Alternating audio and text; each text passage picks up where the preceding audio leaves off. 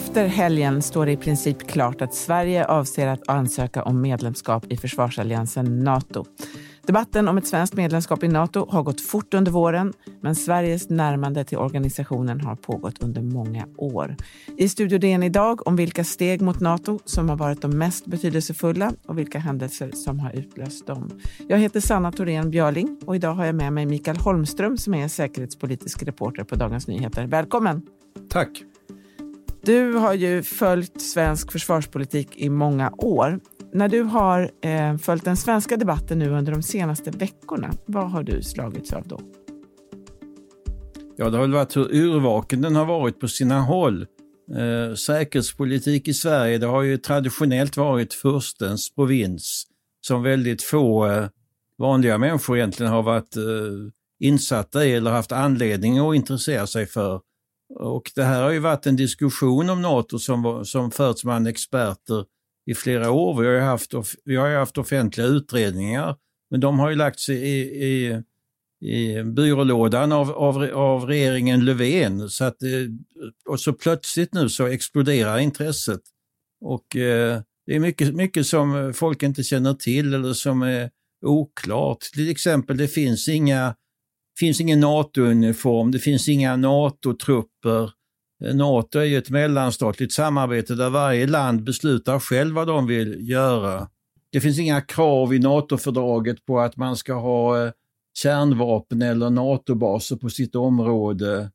Eh, det får man i så fall, vill man ha baser, då får man be om det. Och, och eh, kärnvapen är det ingen som ber om och ingen som kommer att ge bort heller för den delen. Mm. Vi ska backa lite nu eh, och gå tillbaka till den tid då Nato grundades, alltså 49, 50, 51 där. Eh, om du påminner oss om vad Sverige säkerhetspolitiskt var för slags land vid den tiden? Sverige hade ju klarat sig genom andra världskriget oskadat i motsats till alla våra grannländer. Finland hade varit i krig med Sovjet, eh, Norge och Danmark hade ockuperats. Och Sverige försökte då eller man ska säga att 1948 så genomför ju Stalin Pragkuppen där han störtar regeringen i Tjeckoslovakien och då börjar västländerna bli verkligen oroade och man börjar diskutera NATO. Då har Sverige ett eget alternativ, en skandinavisk försvarsunion med Norge och Danmark. Men Norge och Danmark var, hade ju varit neutrala och det hade slutat i katastrof 1940 när de ockuperades. Så att de vill inte gå med där utan de väljer att vara med bland de länder som grundar NATO. Mm. Och då, då slår Sverige officiellt in då på neutralitetspolitik, det vill säga alliansfrihet i fred syftande till neutralitet i krig. Just det. Och den här principen, eh, på vilket sätt skulle du säga att den vägleder svenska regeringar under de decennier som följer där under kalla kriget? Ja, det gör ju att man inte går med i, i, i de försöker skapa en europeisk gemenskap Alltså EEC, EG och det som nu heter EU som vi numera är med i. Eh, men det är inte så att neutralitetspolitiken är absolut utan kvar från eh, de här försvarsförhandlingarna med, med Norge och Danmark finns ju den så kallade lilla lösningen, vilket innebär ett nät av hemliga eh, förberedelser och hemliga kontakter med, med Danmark och Norge men också med Storbritannien och senare med USA från 1952 med USA eh, som går ut på att man har en sorts dold allians som skulle aktiveras om det är så att Sverige angrips. Mm. Och angriparen, det är bara en, det är Sovjetimperiet. Det finns inga försvarsplaner för att det alliansfria Sverige ska försvara sig mot väster. Ja, just det, så man har en, ändå en ganska klar bild av, eh, av en eventuell angripare. Ja, men detta är hemligt för svenska folket, även om vi som gjorde värnplikt under kalla kriget förstod att fienden kom från öster. Mm. Om vi sedan hoppar fram då till Berlinmurens fall 1989 och början till slutet på det kalla kriget. Det är ju en tid av, av väldigt stor omvälvning, inte bara i Europa, men, men framförallt där, och ett stort hopp om en fredligare värld. Eh, hur resonerar Sverige under den här tiden? Ja, man, först eh, så håller man ju fast vid neutralitetspolitiken men sedan då eh, 1990 så eh, gör ju Socialdemokraterna ett lappkast och säger att vi ska gå med i EG. Och det beror ju på att det är en valutakris, det är en ekonomisk kris och näringslivet, valutamarknaden måste ha besked och då måste man då kastar man in det här med e EU-medlemskapet som, som, eller EG som det heter då, eh, som det som så att säga visar att, att Sverige är seriöst och kan ta, och kan ta hand om sin ekonomi. Så vad är det då som gör att, att det här att medlemmarna i EG är NATO-medlemmar, att det inte är lika avgörande vid den tiden? Ja, det är ju att hela Europas karta har ju förändrats i och med att Sovjetimperiet är ju på väg att upplösas. Järnridån har man ett år tidigare klippt upp, 89, och, eh, och visionen om en gemensam säkerhet, ett enat Europa, eh, är ju någonting, en väldigt lockande vision som man tror på och den är ju även, även, även Ryssland är ju med eh, liksom i början på det här tåget. Jag, var, jag är med på ett NATO-möte 1991 i, eh, i eh, Bryssel och då eh, kommer det ett telegram då från Rysslands kommande president Boris Jeltsin. Och då säger han där att eh, att han på sikt tyck, vill att Ryssland ska vara med i NATO. Det står, jag står där med två norska diplomater som kliar sig i huvudet och undrar vad betyder det här telegrammet? Ska vi försvara gränsen mot Kina? frågar de sig. Allt var alltså möjligt vid den här tiden. Ja. En, en intressant kompromiss som uppstår så småningom där, eh, också på 90-talet, är ju samarbetet eh, Partnerskap för fred. Eh, det handlar ju delvis, som jag förstår, om att, om att hålla framtids... Man, man är osäker på vad framtiden står inför och man väntar lite grann på att se vart, vart Ryssland tar vägen politiskt. Eh, vad går det där samarbetet ut på? Nej, det är så att eh, balter och östeuropeer de vill ju komma med i, både i EU och i NATO för att trygga sin säkerhet. Men NATO vill inte utvidgas. Så hittar man på ett sorts väntrum som man då kallar Partnerskap för fred och där bjuder man även in den forna motståndaren Ryssland och Sverige och Finland. Eh, och det där eh, blir ju ett samarbete där man helt enkelt eh, övar ganska, från början ganska enkla räddnings och fredsoperationer men sedan utvecklas det här, blir mer och mer avancerat. Och Sverige har genomfört hundratals övningar, PFP-övningar eller PFF-övningar och och det gör också att genom det här kan man också få, över, alltså få teknisk samverkan mellan svenska och, eh, förband och NATO-ländernas förband. Och, och det, där för, det där utvärderas varje år av NATO och Sverige får till slut lättare att samarbeta med andra NATO-förband än en del NATO-länder. Det är också en, en intressant detalj. Eh, när NATO sen då stegvis faktiskt utvidgas, eh, också efter Balkankrigen är över, eh, under 90-talet och sen i början av 2000-talet, då väljer ju Sverige ändå att fortfarande stå utanför. Eh, varför passar man inte på samtidigt och vad är det som gör att man inte vill det? Ja, Polen är ju av våra grannländer, kom ju Polen med 99 och eh, balterna 2004. Eh, ja, det är ju det att vi ansåg liksom att vi inte behöver det. Eh, det ser rätt fredligt ut och eh, och eh, ja, man, man tycker inte, alltså frontlinjen som har gått rätt genom Östersjön har ju flyttats österut eh, och ligger liksom öster om de baltiska staterna. Och, och vi, eh, vad vi gör är att vi, skick, vi drar ner vårt eget försvar så skickar vi då mycket materiel till de baltiska staterna, militär materiel. Eh, och eh, det finns väl liksom också en, en attityd att ja, ja, de där länderna har en annan historisk erfarenhet de kan gå med i NATO men vi, vi håller fast vid vår neutralitetspolitik. Mm. Trots att vi egentligen är med då redan i Europeiska unionen. Samtidigt så fördjupas ju eh, under den här tiden de, de, och senare de bilaterala samarbetena mellan Sverige och flera NATO-länder, inte minst USA. Eh, och inte minst under de senaste 10-15 åren så har de kontakterna blivit allt närmare. Vad skulle du säga, vad driver på den där utvecklingen? Alltså det, det där inleds ju redan 1952 och sen får det ny fart eh, under det nya kalla kriget på 80-talet. Och, eh, och sedan på 90-talet eh, när eh, Sverige leds av Göran Persson, då ser USA Sverige som en viktig mellanlänk, förbindelselänk i Östersjöområdet. Eh, och Sverige är också aktivt när det gäller att driva på lite tidigare den, den ryska truppreträtten från Baltikum. Så Sverige är liksom en nyttig förhandlingspartner. Sedan ändras ju det här med att klimatet mellan öst och väst, eller mellan Ryssland och, och västvärlden blir sämre efter Kosovo-kriget 99.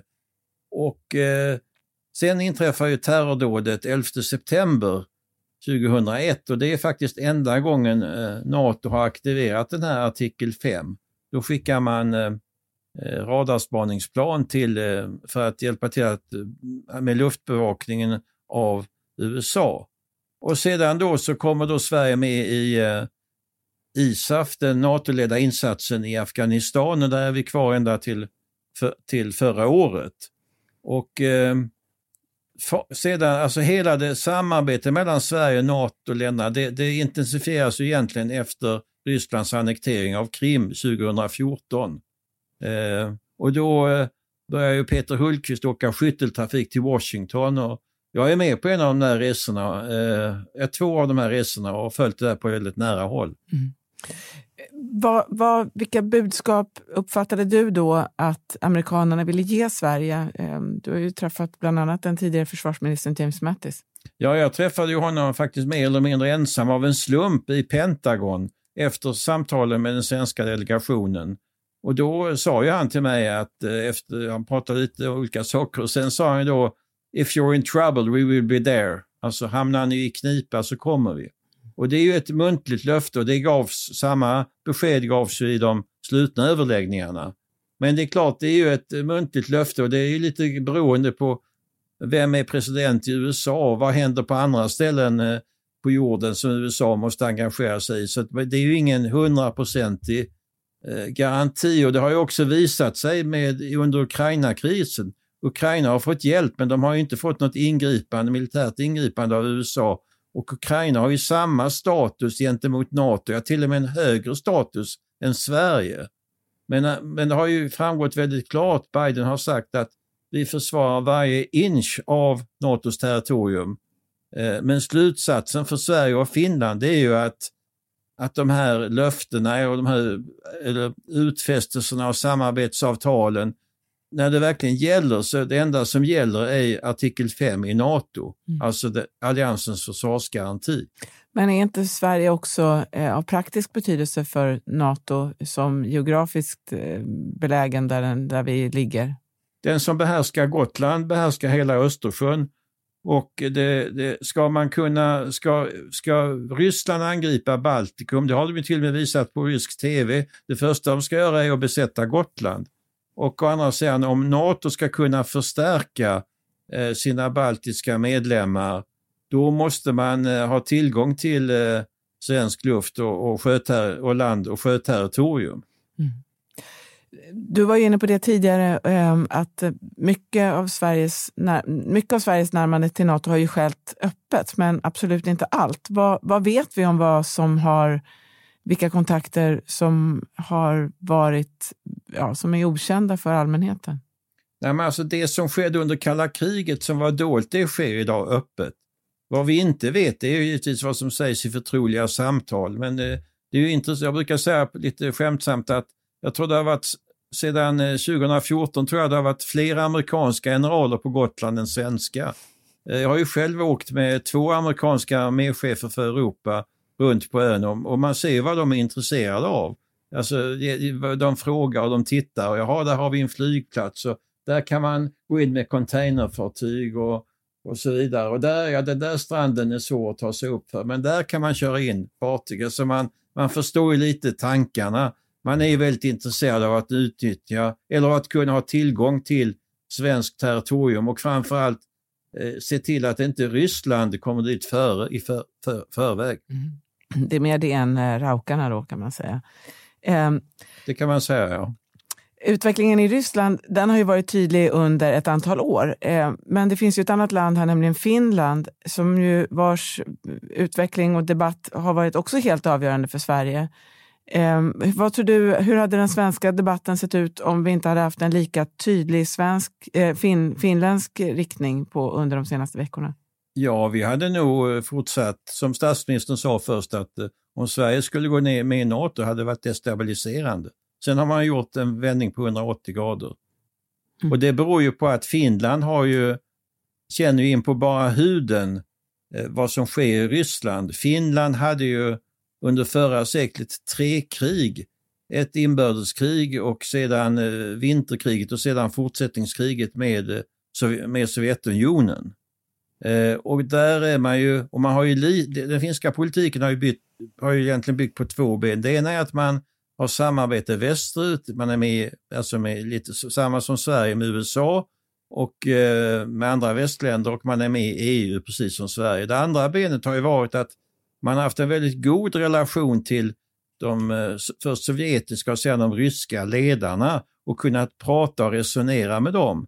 Men eh, som president Niinistö har vittnat om, det går inte att resonera och prata med, med, med, med Putin och nu har de dessutom, ryssarna, startat ett angreppskrig mot en, ett annat, en annan alliansfri granne. Och det betyder att det andra benet då i den finska säkerhetspolitiken har huggits av. Mm. Och då måste man skaffa ett nytt ben och det benet är NATO. Socialdemokraterna i Sverige, det är ju Sveriges största parti. Det har ju också varit helt centralt och du har ju varit inne på det också. Men den interna debatten och dragkampen där mellan å ena sidan de som vill betona nedrustning, nedrustning och de som vill ta hela steget in i Nato. Hur har den där friktionen sett, sett ut i, i partiet? Det är ju en gammal motsättning mellan idealisterna som gärna vill Eh, gör, göra världen så som de vill eller se världen som den borde vara och realisterna som eh, mer tittar på hur världen ser ut. Och, eh, och sen finns det då mittemellan de här finns det ju då en, en ganska stor eh, del pragmatiker som är lojal med partiledningen och följer ledningen. Och ledningen har ju nu bestämt sig för att gå in i NATO. Mm. Och hur stor förändring är detta för svensk, eh, för svensk säkerhetspolitik? Det är klart att det är en väldigt stor förändring för det har ju funnits en, efter kalla krigets slut har ju funnits en osäkerhet om, om egentligen hur Sverige skulle ställa sig. Jag tror att i Moskva har man alltså redan allt, allt sedan andra världskriget sett Sverige som ett västland eh, och egentligen räknat in oss i västsidan.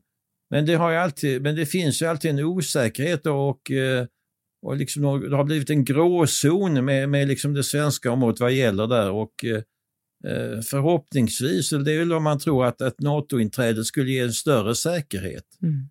Det säger ju Finland, det säger det ganska tydligt att, att de anser att man får en större säkerhet om man går med i NATO. Mm.